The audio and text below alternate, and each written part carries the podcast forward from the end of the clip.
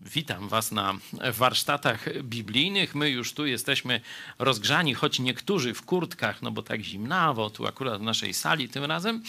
E, rozgrzaliśmy się już dzieleniem tym, co słychać. U każdego z nas modliliśmy się też razem. Oprócz nas tu zgromadzonych jest no tam chyba ponad setka ludzi przy komputerach na całym świecie.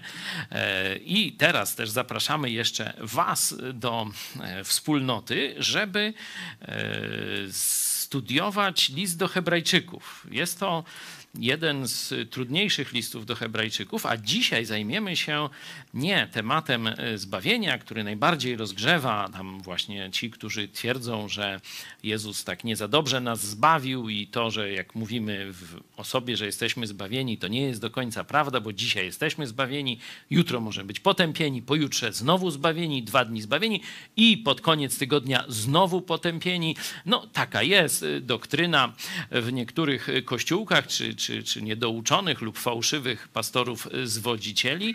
Doktryna biblijna, czy nauka biblijna jest jasna. Bóg, jeśli kogoś zbawi, to zbawia porządnie, czyli ratuje, wyrywa z ciemności i przenosi do królestwa Jezusa Chrystusa Kropka. Sprawdźcie sobie pierwszy rozdział listu do e, Kolosan, jeśli są jakieś wątpliwości. A dzisiaj przejdziemy do najbardziej tajemniczej, niezwykłej części listu do Hebrajczyków, do postaci Melchizedeka. Praktycznie tylko tu, jeśli chodzi o Nowy Testament, pojawia się dość szeroki obraz tej postaci. E, już natknęliśmy się na nią w piątym rozdziale. Proszę, wyszukajmy tych fragmentów, tych wersetów. E, tam gdzieś około czwartego, piątego, może ktoś przeczyta. O szósty już widzimy. Już dziesiąty też werset, to możemy przeczytać ten szósty i dziesiąty z, z, werset, z rozdziału e, piątego. Jak i na innym miejscu mówi, tyś kapłanem na wieki, według porządku Melchizedeka. Oczywiście o Jezusie Dziesiąty. jest mowa. Mhm. I został obwieszczony przez Boga jako arcykapłan według porządku Melchizedeka. Tak, zapowiadałem, że na razie ten temat Melchizedeka zostawiamy trochę na boku i nie rozwijaliśmy tych myśli, chociaż widzicie, że już Jezus jest y, wprost pokazany, że jest w tym porządku, jak gdyby, czyli z tego, z tego nie wiem, ustanowienia, nie? Kapłańskiego. Tam było za mało danych, żeby coś więcej z tego wyciągnąć, dlatego y, w siódmym rozdziale, dzisiaj będziemy pierwsze 14 wersetów, a jak Bóg da, za tydzień y, czy, czy dalej będziemy do końca ten rozdział, bo ten cały siódmy rozdział jest poświęcony Melchizedekowi, dlatego teraz myślę, że jest dobry czas, żeby zgłębić, czy zacząć zgłębiać e, tę postać, a wcześniej po prostu sygnalizowałem tylko, że tu pojawia się coś nowego, że jest ten e, porządek tego kapłaństwa lewickiego, z którego też Aaron e, pochodził, ale Jezus jest z jakiegoś innego porządku, nie z tego starotestamentowego, żydowskiego porządku kapłańskiego, tylko z jakiegoś innego, nie? czyli że to jest jakieś inne kapłaństwo. E, dzisiaj będziemy już, myślę, dużo bardziej, e, że tak powiem, wejdziemy w temat, o co chodzi. Więc najpierw przeczytajmy tę porcję listu Hebrajczyków, listu do Hebrajczyków, którą dzisiaj e, mamy, a potem cofniemy się wcześniej, bo postać Melchizedeka pojawia się na początku Biblii. Czyli najpierw poproszę o przeczytanie e, Hebrajczyków 7, 1 do 14. Ten to Melchizedek, król Salemu, kapłan Boga Najwyższego, który wyszedł na spotkanie Abrahama, gdy wracał po rozgromieniu królów, pobłogosławił mu. Abraham zaś dał mu dziesięcinę ze wszystkiego. Imię jego znaczy najpierw król sprawiedliwości, następnie zaś król Salemu, to jest król pokoju bez ojca, bez matki, bez rodowodu, nie mający ani początku dnia, ani końca życia, lecz podobny do Syna Bożego, pozostaje kapłanem na zawsze. Patrzcie tedy, jak wielki jest ten, któremu nawet patriarcha Abraham dał dziesięcinę z najlepszego łupu. Wprawdzie i ci, którzy są z synów Lewiego, a otrzymują, otrzymują urząd kapłański, mają nakaz zgodnie z zakonem pobierać dziesięcinę od ludu, to jest od braci swoich, chociaż i oni wywodzą się z rodu Abrahama. Ale tamten, który nie wywodzi się od nich swego rodu, otrzymał dziesięcinę od Abrahama i pobłogosławił temu, który miał obietnicę. A to rzecz jest bezsporna, że mniejszy od większego otrzymuje błogosławieństwo. W jednym wypadku biorą dziesięcinę śmiertelni ludzie, w drugim ten, o którym złożono świadectwo, że żyje. I jeśli tak można powiedzieć, w osobie Abrahama i Lewi, który pobiera dziesięcinę, dał dziesięcinę. Był bowiem jeszcze w lędźwiach praojca swego, gdy Melchizedek wyszedł na jego spotkanie. Gdyby zaś doskonałość była osiągana przez kapłaństwo lewickie, a wszak w oparciu o nie otrzymał lud zakon, to jaka jeszcze była potrzeba ustanawiać innego kapłana według porządku Melchizedeka, zamiast pozostać przy porządku Aarona? Skoro bowiem zamienia się kapłaństwo, musi też nastąpić zmiana zakonu.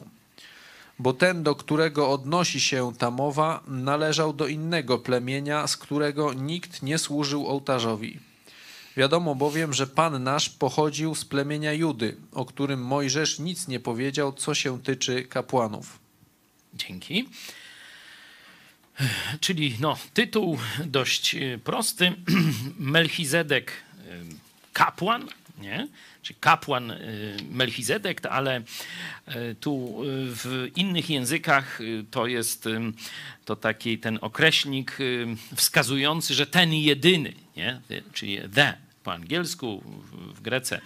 Inne dźwięki są do tego użyte, czyli żeby jakoś właściwie to przema, prze, przemienić, no to znaczy pokazać, no to ten jedyny kapłan, nie wiem jak to, jak to przetworzyć, żeby to nie, że to nie jest ten Melchizedek kapłan, to nie jest jeden z wielu, tylko ten jeden, nie? Czyli chyba jedyny kapłan Melchizedek, tak by trzeba, no możecie sobie to przynajmniej w nawiasie tak jedyny dać i tutaj drugą taką cechą odróżniającą w tym fragmencie już uwypukloną jest, że to, to, jest jakieś inne kapłaństwo. To kapłaństwo żydowskie, kapłaństwo lewickie e, było tymczasowe, a to jest wieczne. Może ktoś sprawdzić w trzecim rozdziale, w greckim tekście, jakie tu jest to słowo, które tłumaczymy jako wieczne? Czyli trwające na wieki, nie? że takie ciągłe, nie? Że, że ono nie, jak gdyby nie ustaje, o to by chyba nieustające, nie? to tak by można to oddać.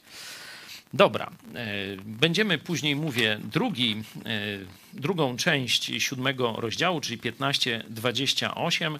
Tam bardziej będzie nacisk Jezus jak Melchizedek. Nie? Czyli zawsze tu pamiętajcie, te rozważania o Melchizedeku umiejscowiamy w kontekście Jezusa, bo po to autor listu do Hebrajczyków pokazuje Melchizedeka, żeby wywyższyć Jezusa. Nie? Pamiętamy, że list do Hebrajczyków dzieli się na takie trzy części. Najpierw wyższa, e, lepsza osoba, większa osoba, o tak, większa osoba, to e, od początku do, od pierwszego wersetu do początku ósmego rozdziału, od początku ósmego rozdziału do 10-18 e, mamy wyższe instytucje, lepsze instytucje, lepsza osoba, większa osoba, lepsze instytucje, tu, że mamy właśnie tego wiecznego arcykapłana, i od 10-19 e, mamy lepsze życie. Życie chrześcijańskie nie jest, nie, nie, umy, znaczy nie można porównać z, z życiem albo bez Boga, albo pod starym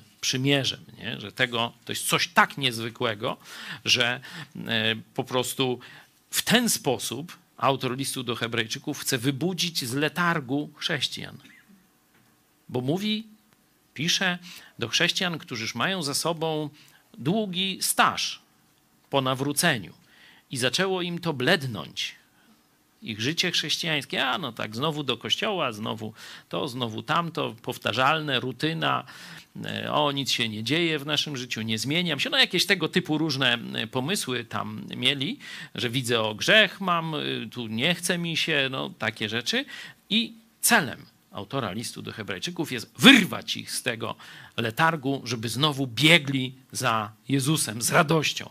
Czyli lepsza osoba, większa osoba, Jezus Chrystus, nasz Pan, lepsze instytucje niż mieliśmy, niż mieli oni, bo tu dotyczy właśnie tych e, chrześcijan, którzy nawrócili się z judaizmu, z religii mojżeszowej, a teraz mamy wspaniałe, nieporównywalnie lepsze życie. No to korzystajmy z tego, co mamy w Chrystusie. Także dzisiaj Melchizedek podzielimy na trzy części ten nasz, y, nasz y, tekst. Pierwszy werset do trzeciego to jest kim był Melchizedek. Od czwartego do dziesiątego jak wielki był. I tu są te porównania, nie? że kto większy, kto błogosławi, kto komu dziesięcinę daje. Nie? To jest od 4 do 10. I ostatnia część na dzisiaj, znaczy myślę, że jeszcze będziemy dłużej nad tym się zastanawiać, bo za chwilę cofniemy się do Starego Testamentu i tam będziemy najpierw siedzieć, żeby zobaczyć, do czego odwołuje się autor listu do Hebrajczyków. Ostatnia część 11-14 to jest właśnie ten no, porządek Melchizedeka, czyli kapłaństwo według porządku Melchizedeka, czyli kim był, jak wielki był i kapłaństwo, na czym polega to kapłaństwo na wzór Melchizedeka. To takie trzy y, części, na które tu oczywiście autor tego studium, z którego y, korzystam, y, to też inżynier, y, napisał Irwin Jensen, także Jensen, przepraszam, także jakby ktoś chciał sobie na własną rękę, no to gdzieś można znaleźć, chyba to wydane nie jest obecnie wznowione, ale gdzieś tam w starych jakichś wydaniach, no ja też mam już taki rozlatujący się egzemplarz, bo już po raz kolejny studiujemy ten list, chyba ostatnio gdzieś ze 20 lat temu, ale na naprawdę warto, bo choć robimy to drugi raz, to znowu odkrywamy naprawdę fajne rzeczy. Przykładowo umknęło mi to, co Jezus y, mówi do nas, że on się nie wstydzi nazywać nas braćmi, nie? z drugiego rozdziału. To zapomniałem całkowicie. E, tu dzisiaj już mi wpadł w oko taki fajny, fajniuśki werset, e, kiedy e, tu do takich różnych debat z tymi, którzy twierdzą, że nas obowiązuje prawo mojżeszowe. Widzicie taki fajniuśki wersecik? Dwunasty. Stoi jak wół. Nie? Zmienił się kapłan. To co musi się zmienić? No prawo. Jezus wypełnił tamto prawo mojżeszowe, a teraz jest nowe prawo. No proste, no. No to tam e, będziemy jeszcze, myślę się tym, e, znaczy nad tym zastanawiać. To co? Jeśli nikt nie ma jakichś uwag, takie na pierwszy rzut oka, którym by chciał się już podzielić, że coś go uderzyło, tak jak na przykład właśnie ten werset dwunasty. Czekam chwilę, jeśli się nikt nie zgłosi, to przechodzimy do Starego Testamentu zaraz.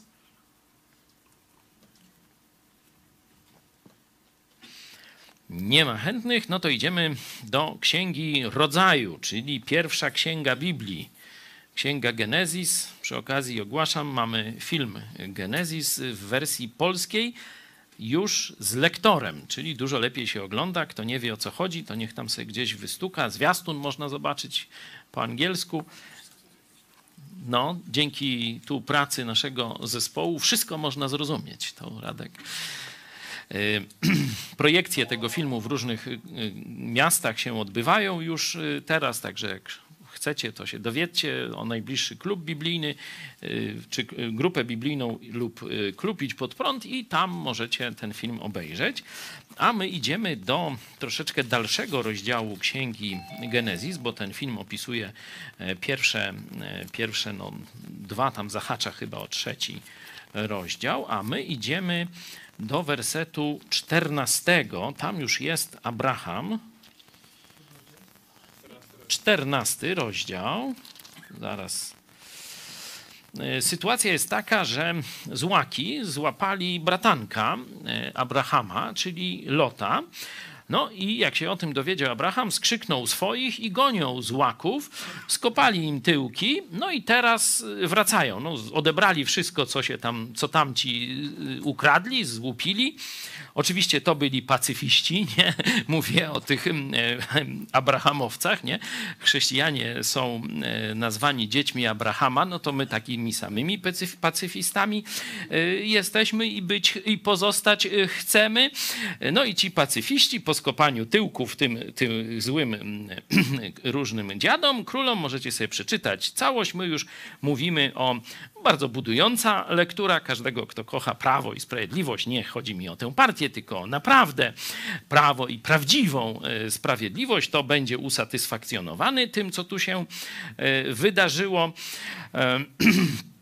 No tu końcówkę tylko tak już przeczytam dla tych, którzy tam może nie znajdą czasu, żeby e, tam zajrzeć. 15 werset. Potem tu e, Abraham to zrobił. E, potem podzieliwszy swój oddział, napadł na nich w nocy ze sługami swymi, pobił ich i ścigał aż do Hobby na północ od Damaszku. Tak odzyskał cały dobytek.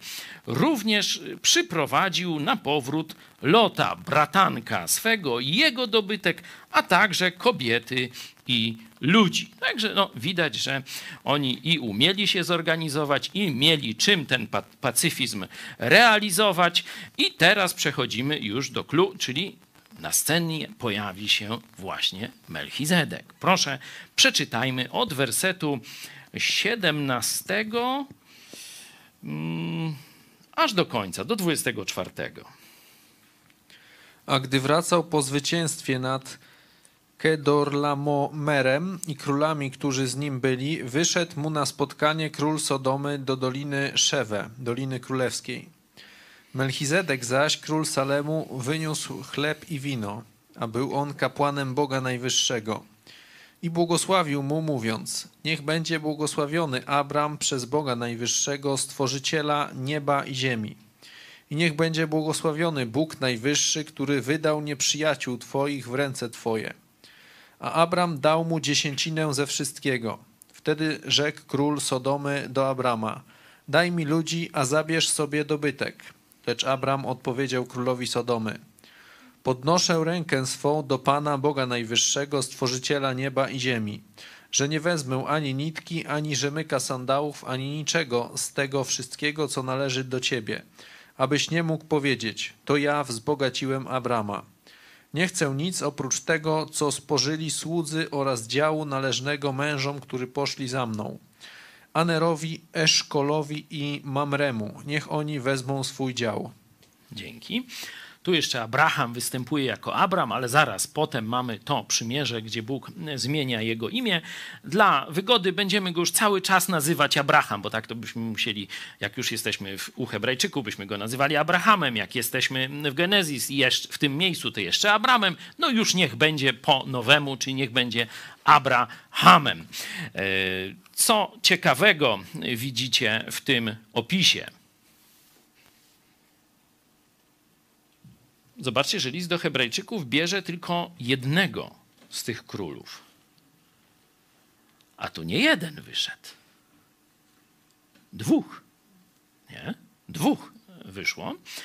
E, oczywiście list do Hebrajczyków zostawia tego drugiego, w ogóle o nim nie wspomina. Za chwilę może dojdziemy nawet dlaczego, e, ale warto, kiedy no, odwołanie jest do tej sytuacji, warto zobaczyć i porównać tych dwóch królów i Abrahama, który musi w jakiś sposób się ustosunkować do jednego i drugiego.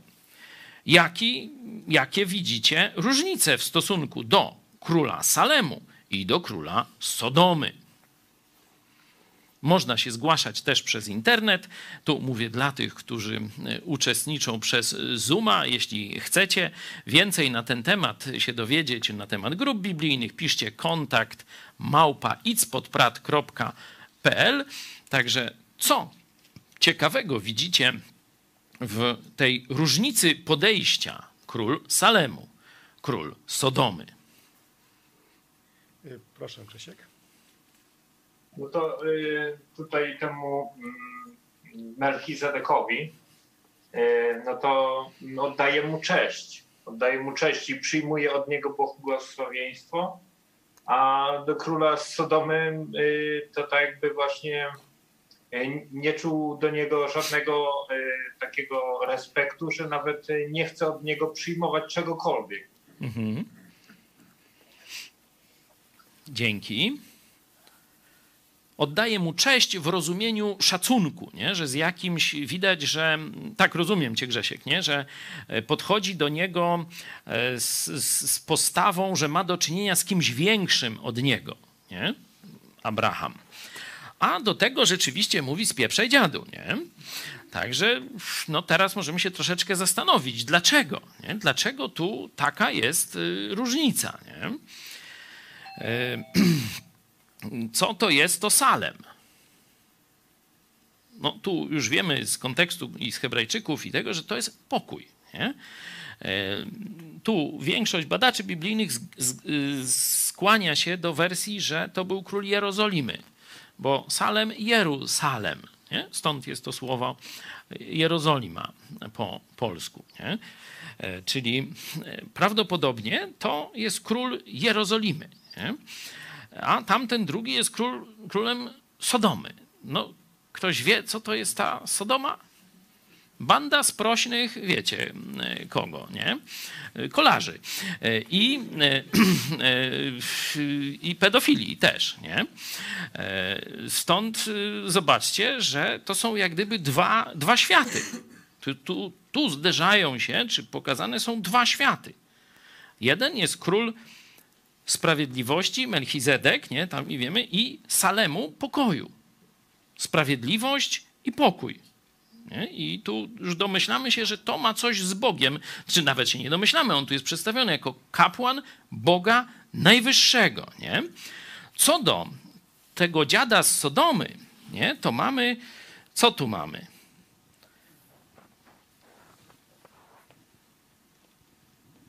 On mówi, podnoszę rękę swą, tu 22 werset czytam, podnoszę rękę swą do Pana, Boga Najwyższego, Stworzyciela nieba i ziemi, że nie wezmę ani nitki, ani rzemyka sandałów, ani niczego z tego wszystkiego, co należy do Ciebie – bo on mu odbił też dla niego te rzeczy, no to ten chciał się z nim podzielić, że mu jak gdyby zapłacić za usługę, nie? Y, tą pacyfistyczną, że spacyfikował dziadów, nie? No to są właśnie usługi pacyfistyczne, tu Abraham yy, świadczył. Nie wezmę niczego z tego wszystkiego, co należy do ciebie. Dlaczego? Abyś nie mógł dziadu powiedzieć, że to ja wzbogaciłem Abrama. Tutaj, nie? Co myślicie o tym? Dlaczego tak ostro do niego przemawia? Tu widać też, że Melchizedek błogosławi, e, dziękuję mm, Panu i go chwala, a ten król Sodomy nic, nic nie mówi, tylko żąda swoje. To jest jakiś pierwowzór świata materialistycznego, nie? Powiemy, nie? Ten materialista to jest kapłan Boga Najwyższego, to jest jakiś materialista, bo on tutaj tylko chce deale finansowe załatwiać. No, dużo więcej tam nie wiemy mm, o y, ówczesnej Sodomie i Gomorze, ale wiemy, co się niedługo stało w Sodomie i Gomorze. Zwykle jest tak, że zmiany społeczne, upadek moralny nie dzieją się w ciągu, powiedzmy, tam dwóch lat w społeczeństwie, nie? tylko upadek moralny następuje długo. Zresztą pamiętacie, jak wybierał Lot i Abraham, Abram jeszcze wtedy, jak wybierali bo stwierdzili, że już za dużo Bóg im dał błogosławieństwa w tych owcach, kozach, nie wiem, tam wołach, czym tam jeszcze, żyrafy może mieli albo i jakieś inne wielbłądy, nie? Osły może też mieli, nie wiem. I już nie mogli razem się paść. To mówią, musimy rozdzielić ten swój majątek. Ty idź w lewo, ja w prawo. Jak ty pójdziesz w lewo, ja pójdę w prawo. Ty, jak ty pójdziesz w prawo, ja pójdę w lewo. Nie? Będziemy ze sobą współpracować, tu widać, że pomagają sobie, bo to już jest po tym podziale, ale mówi, rozejdźmy się i ty wybierasz. Zobaczcie, nie, Abraham, jaki, Abram jeszcze wtedy, e, jaki jest wielkoduszny. Nie? Chociaż on był szefem, można powiedzieć, tej misji, to mówi do tego swojego młodszego bratanka, mówi, ty wybierasz, nie? które chcesz. Tu są góry, tu jest dolina. No zawsze doliny są lepsze, jeśli chodzi o wypas i tak dalej, nie? Tylko co jest problemem doliny? Możemy spróbować sobie znaleźć. Cofnijmy się tam, gdzie oni się rozdzielają. Trzynasty rozdział i zobaczmy, czy jest tam coś.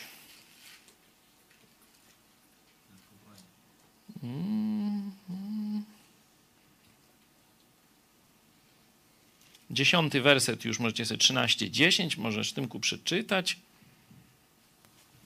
Wtedy Lot podniósł oczy, widząc, widział, że cały okręg, okręg nadjordański, zanim Pan zniszczył Sodomę i Gomorę, był obfity w wodę jak ogród Pana, jak ziemia egipska, aż do Soaru. Czyli Lot popatrzył na te profity materialne. Nie, nie był to do końca zły człowiek, e, bo widzimy, że jednak Bóg go e, uchronił tam na koniec tej Sodomy i Gomory nie? i on tam cierpiał z tego powodu, ale jednak kiedy przyszło do wyboru, miał do wyboru albo miejsce trudne, ale bez złych ludzi, albo obfitość. Ale, i tu zobaczmy, na przykład werset 13, 13, 13. A mieszkańcy Sodomy byli źli i bardzo grzeszni wobec Pana. To sobie wybrał Lot. Będzie kasa. Będzie łatwo. Może nawet i wesoło. W tym dobrym rozumieniu tego słowa. Wino i tak dalej. Ale będziesz wśród grzeszników. Abraham mówi: Abram, dobra, ty wybrałeś, ja idę w góry. Tam jest gorzej, tam jest trudniej, większe ryzyko, bo i więcej dzikich zwierząt, i trudniejszy teren, i tak dalej, i tak dalej, ale nie ma złaków. Zobaczcie, że e, teraz y, jesteśmy akurat w okolicach święta Dziękczynienia Amerykańskiego. To jest dokładnie ta sama, Ania się nam śmieje, nie? że dokładnie ta sama historia.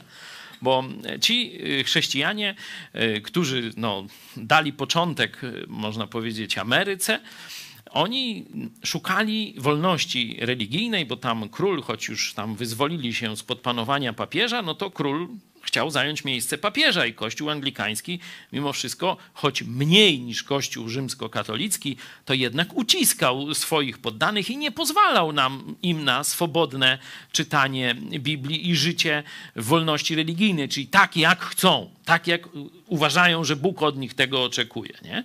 No to oni spakowali manatki i usłyszeli, że taka wolność religijna jest w Holandii. No to sobie pojechali do tej Holandii. Nie? Wylądowali, tam znaleźli robotę, wszystko fajnie, rzeczywiście tam się kręciło, ale zobaczyli pewien problem. Dokładnie taki sam, z jakim się zmierzył Lot i Abraham. Było wesoło, było fajnie, była robota, były pieniądze w tej Holandii, ale była też ogromna niemoralność. I oni mówią, ja nie chcę, nie, nie chcemy żyć wśród tych ludzi, bo to jest i dla nas albo zgorszenie, albo pokusy. Jaki to wzór dla naszych dzieci. Jak będziesz wybierał szkołę, pomyśl o tym dla dzieci swoich. Nie? Spakowali się z powrotem, mówi nie. Tak rozumiana wolność i błogosławieństwo nam nie pasuje. My chcemy świętości. No, zarobili sobie na ten bilet, znaczy w sensie kupili wynajęli sobie statek, dosłownie, do, dokładnie, chyba to była jego ostatnia misja, poszedł na spalenie po tym, czy już to stary rupieć, czy tam dużo tych pieniędzy nie mieli, ale starczyło, ryzyko było duże, bo tym stosunkowo małym stateczkiem tam ponad 100 osób się załadowało, plus załoga, no i popłynęli, dalszą historię znacie. Byli już na trudnym terenie, ale bez złaków. Wręcz przeciwnie, tam różne dobre rzeczy, stąd te indyki, święta, dziękczynienie, to, to właśnie stąd, ale to już inna historia. My wracamy do Lota i Abrama. Mieli wybór. Abraham powiedział: Uszanuję Twój. Tego skusiły łatwiejsze, można powiedzieć, możliwości, nie? łatwiejsze możliwości życia i zarobku a nie przestraszyło go to, że będzie żył, jeszcze raz czytamy, A mieszkańcy Sodomy byli źli i bardzo grzeszni wobec Pana. Źli i bardzo grzeszni. Co tam by miało się stać? Nie? No to teraz otwórzmy sobie jeszcze raz ten nasz, e, który to rozdział, e, czternasty, nie? I teraz odpowiedź. Dlaczego Abram, Abraham, tak ostro gada z królem Sodomy? Przecież król Sodomy jest sodomitą. Nie? No, to nic dziwnego. I mówi, a pies strącał te wszystkie twoje prezenty, dary i jeszcze ludzi. O, na pewno tych twoich sodomitów ja nie chcę w swoim obozie. Nie? On wiedział, że to jest król społeczności wrogiej Bogu.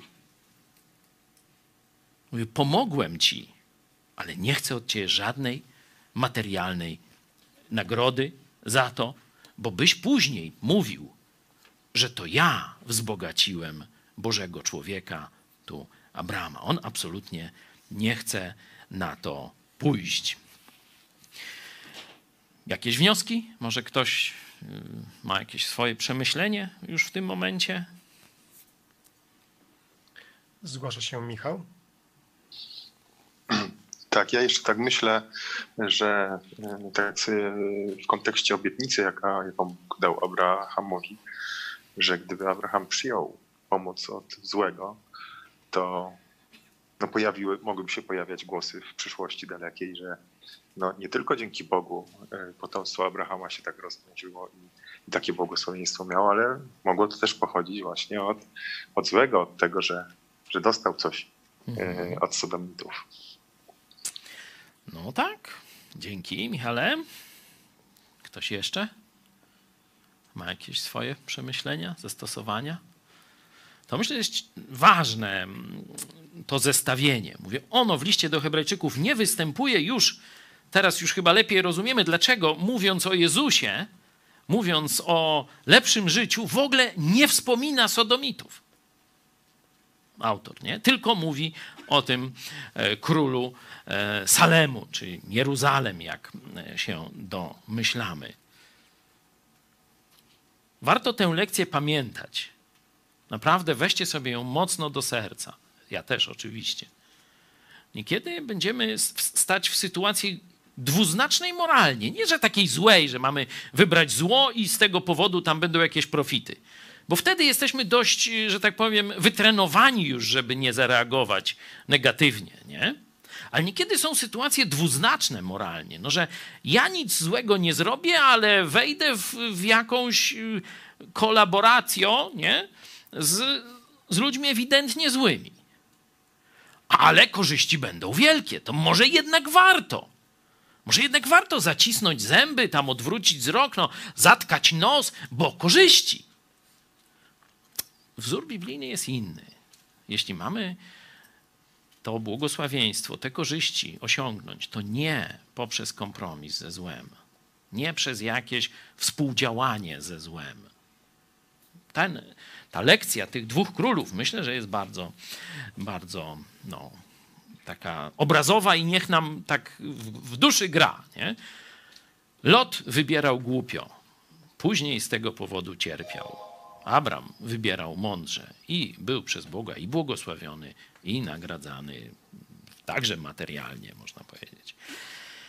Dobra, wróćmy, czyli y, Sodomitów y, jużśmy y, tu omówili, zostawimy ich. Wracamy do Melchizedeka. Zobaczcie taką, zamiast tam wejdziemy jeszcze w te opisy mm, i co on tam robił, jak to się działo, zobaczmy w jaki sposób on wita, jakimi słowami wita mm, Melchizedek Abrama, Abrahama.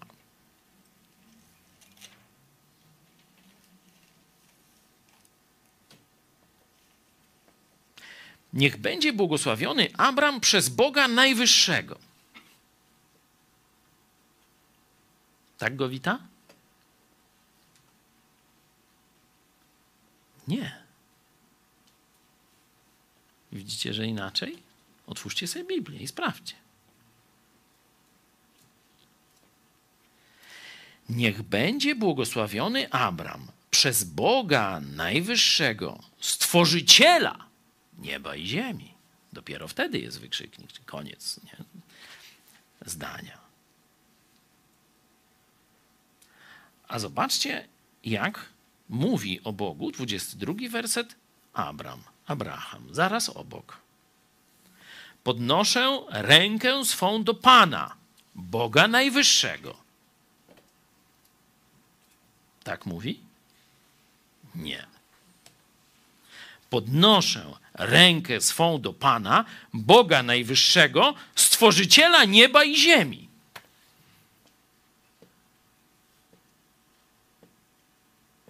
Jakie wnioski? Zobaczcie, w co wierzyli. Melchizedek, w co wierzył Abraham. Zacofani byli, normalnie. Nic o Bożym świecie nie widzieli, bo UMCS-u albo Kulu, to są nasze y, uniwersytety lubelskie, nie skończyli.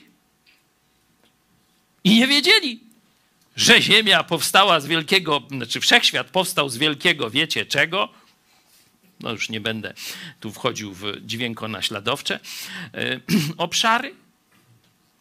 A Ziemkiewicz z Janeckim mają wspólnego przodka z szympansem w zoo.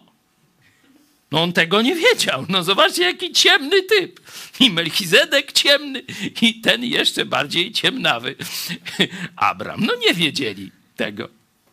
A patrzcie, jaki to dzisiaj lud szczęśliwy, jak, jak ta mądrość właśnie o pochodzeniu, o stworzeniu z przypadku, nie? E, tak jak dotarła do ludzi, jak, jakie to szczęście, moralność i tak bardziej, jak w Sodomie i Gomorze, normalnie identycznie, nie? Zobaczcie, król Salemu, czyli Jerozolimy, Abram, mówią na początku zawsze o najwyższym Bogu i w jednym zdaniu dla nich to jest tytuł Boga. Bóg najwyższy, stworzyciel nieba i ziemi. A król Sodomitów mówi: No to jaka dotacja będzie? Ile ja z tego będę miał? To jest jego światek. Półświatek to się nazywa. Inaczej. No bardziej ćwierć, no ale dobra. Widzicie różnicę? To są dwa światy, całkowicie obce i sprzeczne. I teraz pytanie, gdzie są dzisiejsi chrześcijanie? Pięknie śpiewają Jezusowi. Nie? Jest taki, taka, taka moda wręcz w chrześcijaństwie Hillsong. Nie? Oni, ich główna misja to jest śpiewanie. Nie? Z tego są głównie znani. Już tam mądrości jakieś tam nie naczerpiesz, nie? Ale w rytmie czaczy można z nimi tam mm, podrygiwać. Także to jest y, takie, i to się rozwija, wiecie, oj, tam szybko wszyscy, tam się nie nawróci, nieważne, ale lubi śpiewać, no to już jest kościelny, już jest chrześcijaninem i wszystko gitesowo i cymesik jest, nie? Pamiętam takie świadectwo na stronie tego Hillsonga warszawskiego i taka jakaś gels wychodzi, nie, zatrzepotała tu czym trzeba i mówi, Bóg kocha mnie, taką jaką jestem, haha, jak fajnie, nie? No tak, no przysłuchaliśmy razem, puszczałem wam to świadectwo chyba tam do dzisiaj jest. Gdzie o Jezusie, gdzie o grzechu, gdzie o ofierze za, za grzech, gdzie o zbawieniu? Bóg kocha ją taką, jaką jest i czacza już, nie? No to to jest właśnie to chrześcijaństwo, które zostało całkowicie praktycznie oderwane od Biblii. A gdzie się to oderwanie od Biblii zaczęło? Kiedy chrześcijanie zrezygnowali z tego tytułu Boga. Stworzyciel nieba i ziemi. W kościołach pojawił się tak zwany teistyczny ewolucjonizm. Dobrze mówię? Dobrze. Doktor Gazda kiwa, to znaczy, że jesteśmy na kursie. Czyli wszystko jest tak, jak mówi Darwin, a ksiądz proboszcz nie za darmo bierze kropidło i pokropi.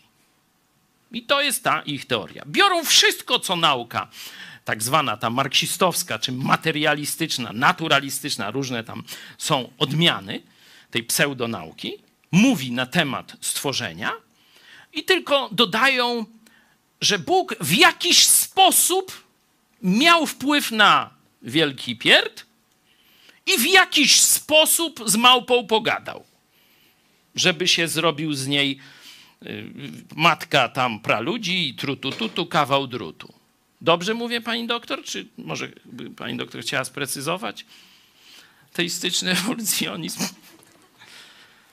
To się wtedy zaczęło. I dzisiaj mamy pokolenia chrześcijan, którzy jak my do nich z filmem Genesis, czy Genesis, żeby tak być bardziej poświatowemu, to oni ale po co to? My mówmy tylko o Jezusie. Po co wchodzić w konflikt z nauką? Powiedzą, że my ze średniowiecza jesteśmy. Po co ludziom zakłócać spokój myślenia jakimiś takimi dawnymi sprawami o jakimś Adamie, Ewie, o jakimś stworzeniu sześciodniowym. Przecież czy nie możemy sobie przyjąć, że Mojżesz to taki trochę głupi był i on tak powiedział, że to dzień Bóg stwarzał. No przecież wszyscy wiemy, że to miliardy lat trwać musiało, nie? No, drugi idiota powie, już mają zgodność, już mają zgodność, nie? No to jak dwóch uzgodniło, no to już wszystko wiedzą i tak dalej, i tak dalej. Zobaczcie, to jest świeża sprawa. To stworzenie niedawno nastąpiło. Jeszcze wiecie, jakby patrzeć na te genealogie opisane w Biblii, to jeszcze, wiecie, z dziada, pradziada sobie opowiadali, jak to wyglądał raj, jak wyglądał praojciec Adam, prababka tam, tam Ewa, czy jak, nie? Ewka spadła z drzewka, u nas były kiedyś takie. O, chłopaki wiedzą o co chodzi. No już się śmieję. W każdym razie oni to wiedzieli, można powiedzieć, w domach się o tym opowiadało. I zobaczcie. I Melchizedek mówi w imię Boga Najwyższego, Stworzyciela nieba i ziemi. Abraham mówi, podnoszę rękę do Pana, Boga Najwyższego, Stworzyciela nieba i ziemi. Podstawowa prawda, kiedy myśleli o Bogu, On mnie stworzył. Zbawienie jest później. Najpierw musiał mnie stworzyć. Jeśli On chce mnie ratować, to znaczy, że ja jestem Jego dziełem. Rozumiecie? Stworzenie daje mandat do zbawienia. Dlatego się mówi odkupienie, a nie kupienie. Gdybyś pochodził od małpy, to Jezus by cię kupił, a Jezus cię odkupił. Czyli kiedyś byłeś, mówię o ludzkości, kiedyś należeliśmy całkowicie do Boga, ale potemśmy zbuntowali się i dlatego jest odkupienie. To było dla tych ludzi oczywiste. Oni cały czas widzieli siebie jako dzieło Boga. Zobaczcie, czy zawód psychologa byłby dzisiaj tak rozpowszechniony, tak powszechny.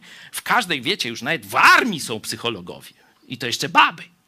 Po więzieniach łażą. Oczywiście tam w innych celach, no ale niech już tam to im będzie. Gdyby ludzie mieli świadomość, że są stworzeni na obraz i podobieństwo Boga, on patrzy w lustro, szczególnie kobiety, i mówi: Małpę widzę. No i w płacz, i beczy. Cud Boga widzisz, stworzenie Boże. Może tu jesteś trochę krzywa, tu ci wystaje, tu ci krosta wyrasła, ale jesteś co do swojej istoty stworzona przez Boga.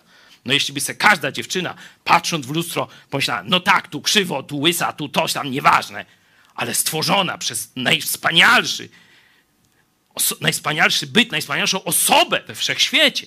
Ja jestem jej dziełem, jego dziełem, jego rąk.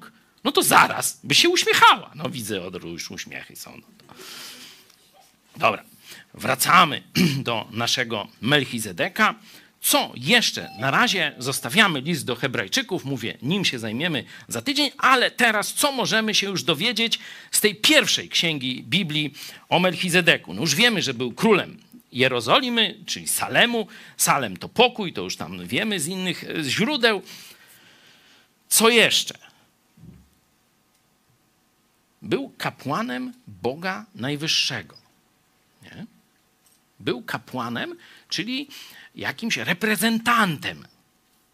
Tym reprezentantem to widać, że to Abraham go uznał zaraz za tego reprezentanta, bo tu różne rzeczy zaczął wobec niego robić. Tu taka ciekawostka, zobaczcie, wyniósł chleb, chleb i wino. Nie? Tu katolicy na tym bardzo mocno e, bazują, nie? że e, to, ta ofiara, którą oni robią, nie? ta cała Eucharystia, nie? że opłatek e, abracadabra zmienia się w Jezusa, w ciało Chrystusa, wino abracadabra zmienia się w krew Jezusa, to się nazywa trans Czego oni tych transów tak wszędzie? Transsubstancjacja, oczywiście tu profesor Jotkowski tłumaczy, że to z pogaństwa wywodzi się z fałszywej e, nauki pogańskiej dotyczącej istoty materii, że materia ma tak zwaną istotę, której nie widać i tą przypadłość zewnętrzną, którą widać i że tu może być jakieś machniom, czyli że cały czas tam ta istota zostaje, a na przykład przypadłość się zmienia albo przypadłość zostaje, a istota się zmienia, nie? Czyli stoi stół, zrobimy abracadabra i to jest już y, samolot na przykład, nie? Wygląda jak stół, ale w rzeczywistości, w istocie to jest samolot. Czyli nastąpiła transsubstancjacja stołu w samolot. Nie wierzycie? To macie słabą wiarę. To jest samolot. To przypadłość ma tylko stołów. Siadać i lecieć. No proszę bardzo, kto chce, ja tu mogę uprzątnąć, spróbujemy. No. No to jest katolicka nauka o transsubstancjacji, pogańska tam z, z filozofów greckich, którzy sobie tak próbowali jakoś kombinować. Nauka filozofów greckich zaczęła z Bizancjum przechodzić na zachód, gdzieś tak siódmy, ósmy, dziewiąty wiek. Jeden z mnichów podłapał temat i wtedy wprowadził, czyli zobaczcie, mniej więcej tysiąc lat po Chrystusie, tysiąc lat po wprowadzeniu wieczerzy, ustanowieniu wieczerzy pańskiej, Kościół katolicki nas odkrywa naukę o transubstancjacji. I mówią, że to z Biblii. Dzisiaj tam katolicy się głowią, tam jakieś próbują wersety przekręcać pięć razy, żeby im wyszło, że tego. Ludzie, poczytajcie sobie w historii Kościoła i zobaczcie, że z Biblii to absolutnie nie pochodzi, tylko z pogańskiej nauki o dualizmie świata, właśnie ten podział na substancję i zewnętrzną przypadłość. Jest wykład profesora Jotkowskiego. Pamiętacie tytuł? Pabian Pabian i jakiś drugi, Heller chyba, tak? Pabian i Heller, coś tam, coś tam. No jak ktoś znajdzie, to poproszę o tytuł albo dać, dajcie do opisu, żeby kto chce, to sobie mógł y, pooglądać i poznać bardziej szczegółowo naukę o transubstancjacji. I właśnie do tego chleba i wina tu katolicy się tak bardzo skłaniają. Rzeczywiście na mszy jest powtarzane to, że właśnie to tamto kapłaństwo na wzór Melchizedeka, no stąd to chleb i wino i tak dalej. Rzeczywiście można w tym szukać zapowiedzi ofiary Jezusa, którą symbolizuje chleb i wino. Ale symbolizuje, a urzeczywistnia czy uobecnia to są dwie różne sprawy. Bo rzeczywistość, a zdjęcie rzeczywistości, nie, to to nie jest to samo. Ja mogę mieć w portfelu zdjęcie swojej żony, mam, nie będę pokazywał, ale mam, ale to nie jest moja żona tu w portfelu. O, tam siedzi. Tam jest rzeczywistość, a tu jest zdjęcie. Oczywiście, ono, zdjęcie symbolizuje rzeczywistość, nie? Ale to nie jest rzeczywistość. Niektórzy całują sobie zdjęcia, różne rzeczy tam robią y, z, ze zdjęciami, ale no to są zboki, nie? Sodomici czy jacyś inni, nie? Normalni, no to z rzeczywistością obcują. No. no i to wyzwanie do katolików, nie? My jasno mówimy, za Biblią. Czyńcie to na pamiątkę. Nie? Czyli wspominając moją doskonałą ofiarę raz na zawsze złożoną na krzyżu. To list do Hebrajczyków akurat najwięcej na ten temat mówi, tylko troszkę dalej. Zobaczcie sobie dziesiąty werset, to będziecie zszokowani, katolicy, jeśli jeszcze nie czytaliście dziesiątego rozdziału listu do Hebrajczyków. Dziesiąty rozdział, nie werset, bo zapewne się przejęzyczyłem, bo już tutaj widzę poruszenie. Dziesiąty rozdział, tak, oczywiście. Tak. Zobaczcie, że może to mieć jakiś związek, bo Jezus w szóstym rozdziale Ewangelii Jana, o ile dobrze pamiętam, mówi o, nie, nie, przepraszam, nie w szóstym, tylko w ósmym chyba, w ósmym rozdziale, sprawdźmy, mówi o tym, że Abraham widział jego dzień. Już to niedawnośmy sprawdzali, ale no, być może ktoś z naszych widzów nie jest dzisiaj, e, no, pierwszy raz jest z nami. Zobaczcie, wydaje mi się, że to będzie ósmy, ós, koniec ósmego, tak? Który? Ma ktoś już, to niech czyta, kto pierwszy tam znajdzie. Abraham, ojciec wasz, cieszył się, że miał oglądać dzień mój i oglądał i radował się. Amen. Mamy potwierdzenie, że stąd chrześcijanie są dziećmi Abrahama. Abraham, tu już wcześniej studiowaliśmy, mówiliśmy, Abraham uwierzył Bogu i poczytano mu to za usprawiedliwienie. Że dzięki ofierze Jezusa usprawiedliwiony, czyli niewinny przed Bogiem został Abraham. Nie? Dawno, długo, długo przed Chrystusem. I tu rzeczywiście ta analogia chleba i wina się pojawia. Nie? Tylko, mówię, katolicyzm zrobił z tego bałwochwalstwo, z chleba i wina, a Biblia mówi o symbolu. Co, co ciekawe, dzisiaj prawowiernych katolików prawie już nie ma. Jakbyście poszli i zrobili test i zapytali zwykłego katolika, czy opłatek to jest Jezus rzeczywisty, czy symbol? Powiedziałby, że symbol. Ale oni nie znają nawet nauki katolickiej. Ksiądz wierzy, że to jest rzeczywisty Chrystus, który na jego słowo zamienił substancję wafelka i stał się ciałem wafelek Chrystusa, i wino zmieniło swoją substancję stało się krwią Chrystusa. I dlatego ksiądz, mając w ręku ciało, tak twierdzi nauka katolicka, Chrystusa i krew Chrystusa, składa ją teraz jako ofiarę za grzech. Nie za darmo. Chcesz dziadka, babcię wypuścić z czyśćca? Płać. To właśnie był handel odpustami, to jest handel mszą do dzisiaj, zamawianie mszy za zmarłych. Bo oni twierdzą, że oni teraz składają Bogu rzeczywistą ofiarę. A zarówno tu Melchizedek, przecież on nie złożył ofiary Chrystusa z tym chlebem i winem. On tylko zapowiedział ofiarę Chrystusa. I tak samo my, kiedy łamiemy chleb i pijemy wino na pamiątkę Chrystusa, nie składamy Bogu ofiary. My wspominamy jedną doskonałą ofiarę złożoną raz na zawsze za grzechy całego świata na krzyżu Golgoty. No dobra posiedźmy jeszcze trochę nad tym, nad tymi rzeczami, które tu się dzieje. Następuje, no on wyszedł z tym chlebem i winem i błogosławi. Mówi, niech będzie błogosławiony Abram przez Boga Najwyższego i Stworzyciela i nieba i ziemi. Czyli pierwsza rzecz, on mu błogosławi. Z listu do Hebrajczyków już wiemy, że kto komu błogosławi. Mniejszy większemu, czy większy Mniejszy większemu, czy większy mniejszemu? Kto komu ma błogosławić? Większy, nie?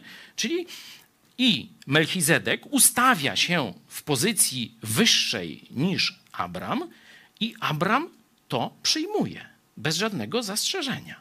Nie? Czyli tu obaj wiedzą, jaka jest rzeczywistość. Skąd wiedzą, nie wiemy, ale wiedzą. Nie? Taki jest, taką już mamy sytuację. Jeden błogosławi drugiemu. Gdyby ktoś nie wierzył w to wyższy, niższy z powodu błogosławieństwa, to mamy drugą rzecz. Co mu zrobił jeszcze? A to już jest konkret. Kasa, misiu. Zobaczcie, Abram dał mu dziesięcinę ze wszystkiego. Czyli był w tym dość skrupulatny, czy nawet bez dość. Był skrupulatny w tym, no bo Biblia to w ten sposób opisuje. Że dał mu dziesięcinę Latymka ze wszystkiego. Czyli mamy dwie rzeczy już tu przynajmniej, nie? Zasygnalizowane. Jest błogosławieństwo, czyli większy błogosławi mniejszemu, czyli niżej w tej duchowej hierarchii, o tak powiemy, i mniejszy daje większemu dziesięcinę. Tu on dał temu Melchizedekowi ze wszystkiego, co miał. Dalsza część tego błogosławieństwa, najpierw jest niech ci błogosławi, mm, Bądź błogosławiony przez Boga Najwyższego, Stworzyciela nieba i ziemi, i niech będzie błogosławiony Bóg Najwyższy, który wydał nieprzyjaciół Twoich w ręce Twoje.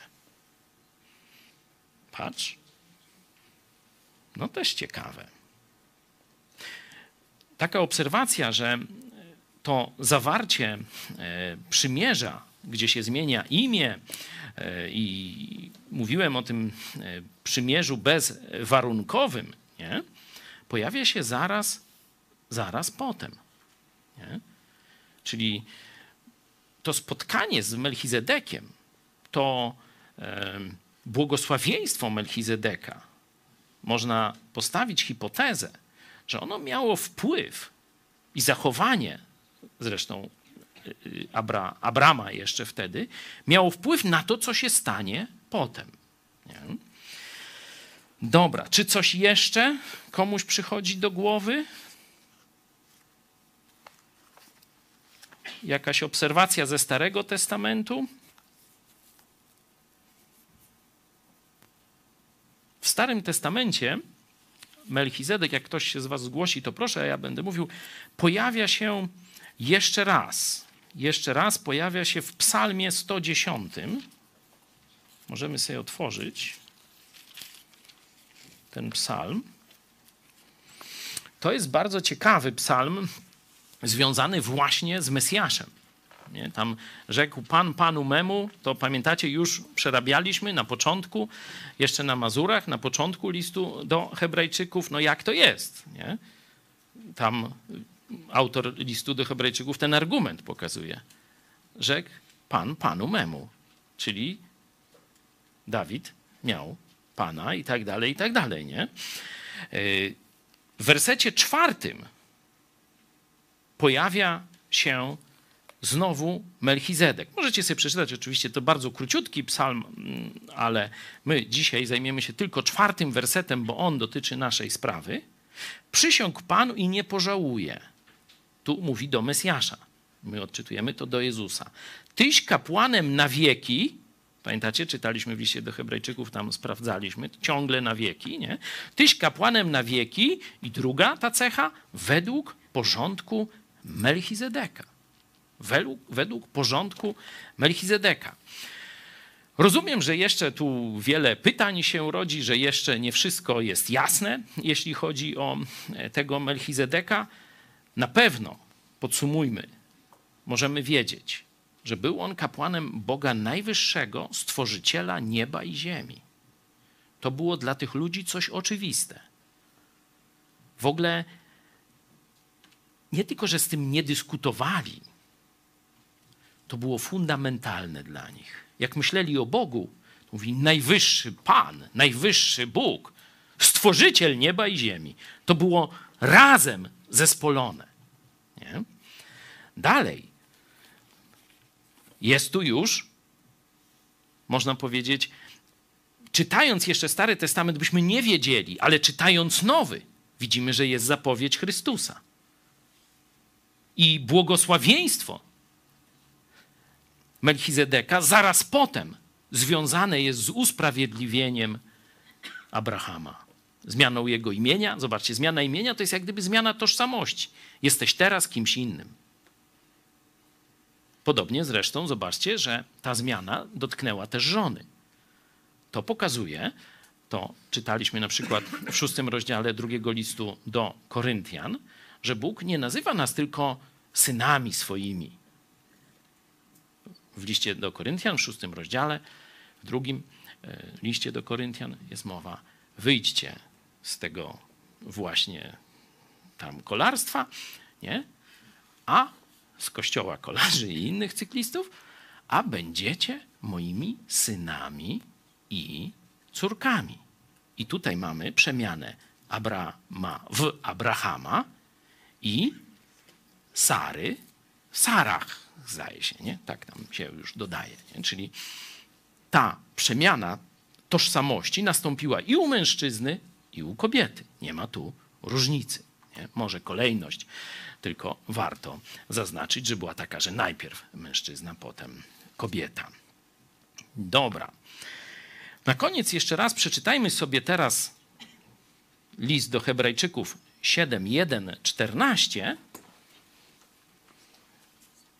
i to, co już wiemy ze Starego Testamentu, z Księgi Genezis i z y, Psalmu 110, e, mając to w pamięci, przeczytajmy jeszcze raz, proszę. Trudne tu są te nazwy. Nie, trudne to jużśmy przeszli. To w, w Genezis są te. Jak, to, jak ty to, Tymek, dałeś radę go, tego przeczytać, tego na K? Czekaj, jak on się tak nazywał? Kedorlaomera. Ludzie kochani, jakie oni te imiona wtedy mieli? No. Dobra. Hebrajczyków 7, 1, 14. Taka kara by była nauczyć się tych imion dla dzieci w szkole chrześcijańskiej na pamięć. To już jakby to powiedzieli, to i logopedy by nie trzeba. Ten to Melchizedek, król Salemu, Kapłan Boga Najwyższego, który wyszedł na spotkanie Abrahama, gdy wracał po rozgromieniu królów, pobłogosławił mu. Abraham zaś dał mu dziesięcinę ze wszystkiego. Imię jego znaczy najpierw król sprawiedliwości, następnie zaś król Salemu, to jest król pokoju. Bez ojca, bez matki, bez rodowodu, nie mający ani początku dni, ani końca życia, lecz podobny do Syna Bożego, pozostaje kapłanem na zawsze. Patrzcie tedy, jak wielki jest ten, któremu nawet patriarcha Abraham dał dziesięcinę z najlepszego łupu. Wprawdzie i ci, którzy są z synów Lewiego, a otrzymują, utrzymują urząd kapłański, mają nakaz zgodnie z zakonem pobierać dziesięcinę od ludu, to jest od braci swoich, chociaż i oni wywodzą się z rodu Abrahama. Ale tamten, który nie wywodził od nich swego rodu, otrzymał dziesięcinę od Abrahama i pobłogosławił temu, który miał obietnicę. A rzecz to jest bezsporna, że mniejszy od większego otrzymuje błogosławieństwo. W jednym wypadku biorą dziesięcinę śmiertelni ludzie, w drugim ten, o którym złożono świadectwo, że żyje. I jeśli tak można powiedzieć, w osobie Abrahama i Lewi, który pobiera dziesięcinę, dał dziesięcinę. Był bowiem jeszcze w lędźwiach praojca swego, gdy Melchizedek wyszedł na jego spotkanie.